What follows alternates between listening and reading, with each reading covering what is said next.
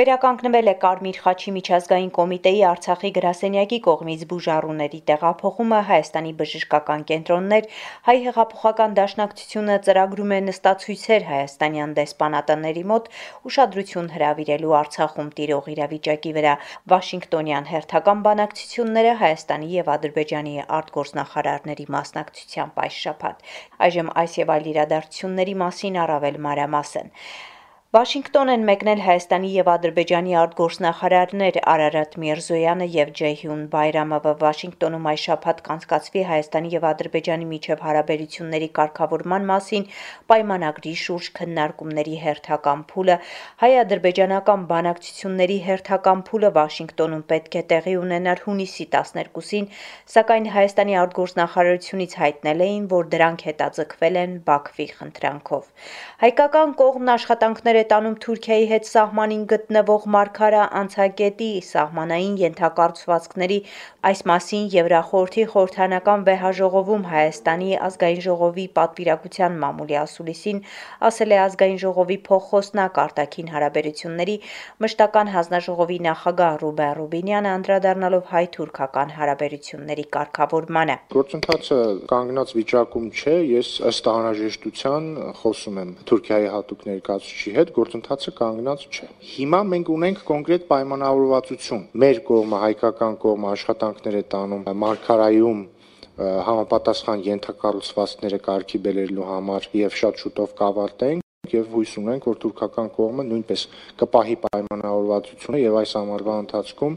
պայմանավորվածությունները կիրագործվեն։ Անդրադառնալով նաև Ադրբեջանի հետ քննարկումներին նա ասել է խնդրահարույց է, որ Ադրբեջանը չի ասում, որ ճանաչում է Հայաստանի տարածքային ամբողջականությունը։ Եվ այո, դա խնդրահարույց է եւ դա վկայում է նրա մասին, որ Ադրբեջանը առնվազն անկեղծություն եւ կառուցողականություն չի ցուցադրում։ Եվ բնականաբար, այո, եթե մեր եթե փոխադարձաբար սահմանները ճանաչվում են, դա նշանակում է, որ Ադրբեջանի զինված ուժերը պետք է դուրս գան Հայաստանի Հանրապետության սուվերեն տարածքից օկուպացված հատվածների Իսկ ազգային ժողովի նախագահ Ալեն Սիմոնյանի խոսքով Ադրբեջանը փակ հանդիպումներում ընդունել է Հայաստանի տարածքային ամբողջականությունը։ Ինքը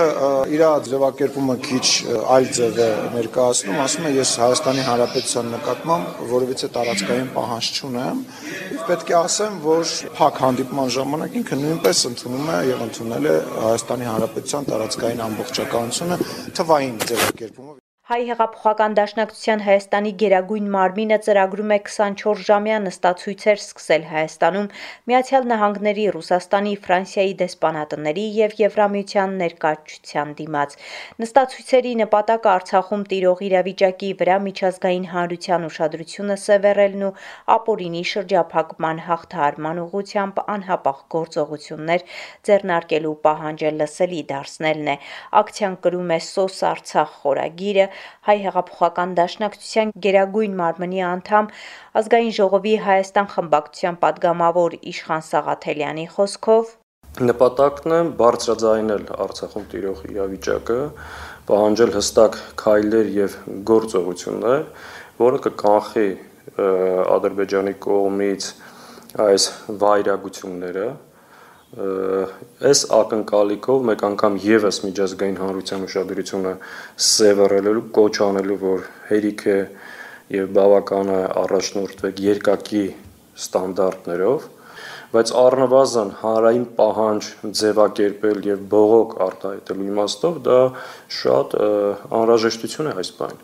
Մեր 120.000 հայրենակիցներ առանց դեղորայքի, առանց բավարար սննդի կանգնած են էթնիկ զտման եւ ցեղասպանության առջեւ վերականգնվել է Կարմիր խաչի միջազգային կոմիտեի Արցախի գրասենյակի կողմից բուժառուների տեղափոխումը Հայաստանի բժշկական կենտրոններ հունիսի 25-ին Արցախի առողջապահության նախարարության հանրապետական բժշկական կենտրոնից 15 բուժառու 9 ուղեկցողների հետ միասին Կարմիր խաչի միջազգային կոմիտեի Արցախի գրասենյակի միջնորդությամբ եւ ուղեկցությամբ տեղափոխվել է Հայաստանի մասնագիտացված բժշկական կենտրոններ 10-օրյա լիակատար արգելափակումից հետո դեռևս բազմաթիվ բուժառուներ սպասում են իրենց տեղափոխությանը Հայաստան, իսկ հունիսի 26-ին 17 բուժառու է ուղեկցողների հետ տեղափոխվել Հայաստան։ Լաչինի միջանցքը շարունակում է փակ մնալ չնայած աշխարհի տարբեր երկրներից հնչող կոչերին։ Եվրոպայի խորհրդի խորհրդանական վեհաժողովի նախագահ Թինի Քոքսը կոչ է արել Բաքվին բացել Լաչինի միջանցքը հավատարիմ մնալ ստանձնած պարտավորություններին։ Նա ասել է նաև մեջբերեմ. Բոլորն ընդունում են, որ Լեռնային Ղարաբաղն Ադրբեջանի մաս է, սակայն դա Ադրբեջանի կառավարությանն իրավունք չի տալիս այդ մարդկանց հետ անել այն, ինչ ուզում է, ասել է վեհաժողովի նախագահը։ state.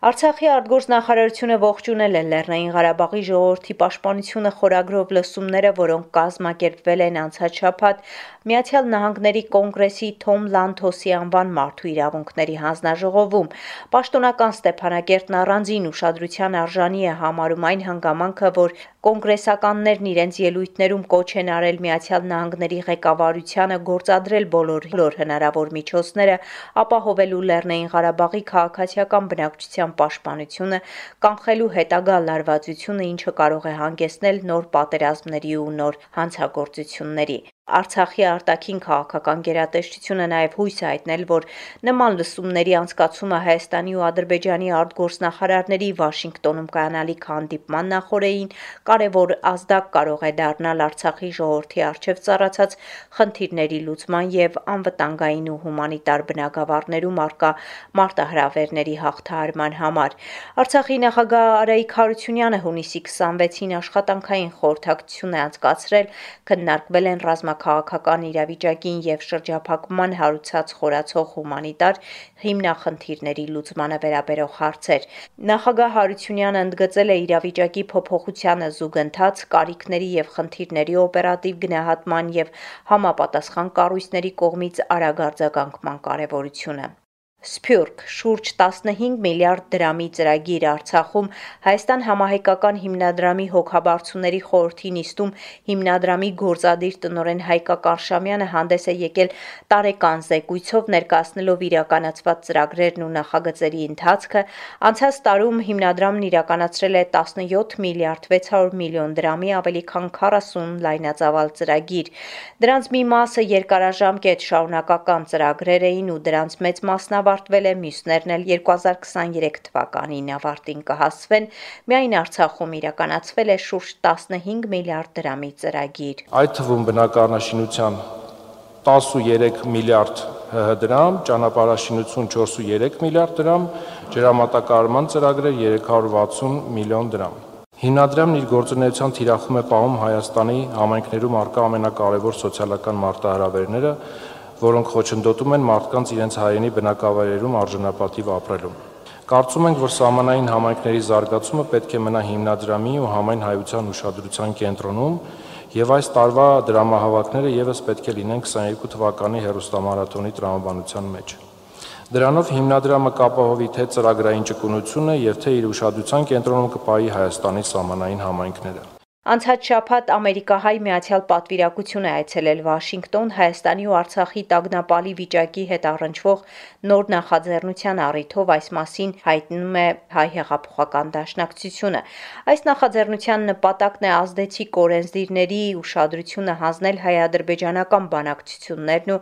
Արցախի մարդասիրականահավոր վիճակը եւ իսկական բազմակուսակցական համաձայնություն ստեղծել ի նպաստ հայդատին։ Ապրի Արմենիա հետազոտական կենտրոնի եւ Հայ բարեգործական ընդհանուր միության նախաձեռնությամբ